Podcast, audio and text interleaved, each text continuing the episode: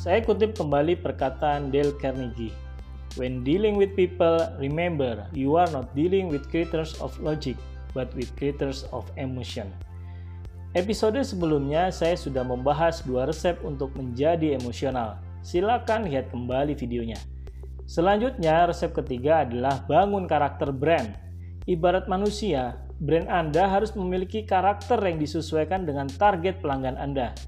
Karakter ini yang bikin brand Anda lebih hidup sehingga munculkan ikatan emosional dengan pelanggan. Contoh produsen kaos jogger munculkan karakter lucu, kreatif, dan nyeleneh yang bisa terlihat dari kata-kata di kaos serta poster-poster yang ada di outletnya.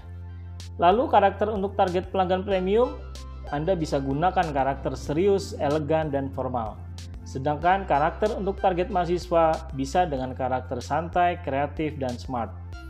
Nah, tinggal Anda tentukan karakter apa yang hendak ditonjolkan kepada pelanggan Anda.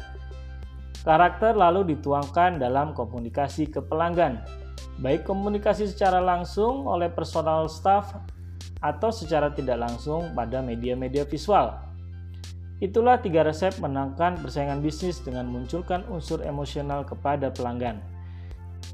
Nah, selain harus mengandung unsur unik dan emosi, strategi pamungkasnya yaitu haruslah kreatif. Kreativitas adalah suatu kemampuan yang menantang asumsi-asumsi, mengenali pola-pola, melihat dalam cara yang baru, membuat berbagai hubungan, mengambil resiko, dan menangkap segera suatu peluang. Demikian menurut Ned Herman. Mengapa harus kreatif? Karena produk dan jasa yang kreatif akan menjual dengan sendirinya tanpa perlu dibebani dengan biaya pemasaran yang besar. Lalu pertanyaannya, bagaimana cara mendapatkan ide hebat untuk menjadi kreatif? Menurut Peter Fish, paling tidak ada 8 cara. Di episode ini saya akan membahas tiga. Pertama, melihat hal secara berbeda. Apa saja yang dapat dilihat secara berbeda? Yaitu menemukan ide baru, ajaran baru, cara pandang konsumen, teknologi, dan masa depan. Contoh, salah satu keunggulan Simply Fresh Laundry yang karenanya mendapat rekor muri sebagai yang pertama, yaitu proses sterilisasi air menggunakan teknologi ultraviolet. Idenya sederhana. Ketika saya melihat cara kerja air isi ulang yang disterilkan supaya bebas kuman dan bakteri dengan disinari ultraviolet, Kemudian saya bersama tim berinovasi menerapkannya pada outlet Simply Fresh Laundry. Kedua, merangkul paradoks, yaitu fokus kepada apa yang membuat konsumen frustasi. Contohnya, makanan fast food dipelopori oleh McDonald's yang ketika itu menjawab frustasi konsumen karena lamanya pemesanan makanan. Bahkan McDonald's berani berikan hadiah apabila terlalu lama melebihi waktu tertentu.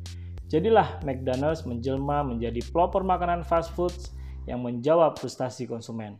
Ketiga, skenario masa depan, yaitu membuat hubungan antara perubahan lingkungan dan sikap sosial, teknologi, perubahan pasar, dan tingkah laku. Contoh, fenomena sosial media semakin memudahkan komunikasi antar merek dengan pelanggan.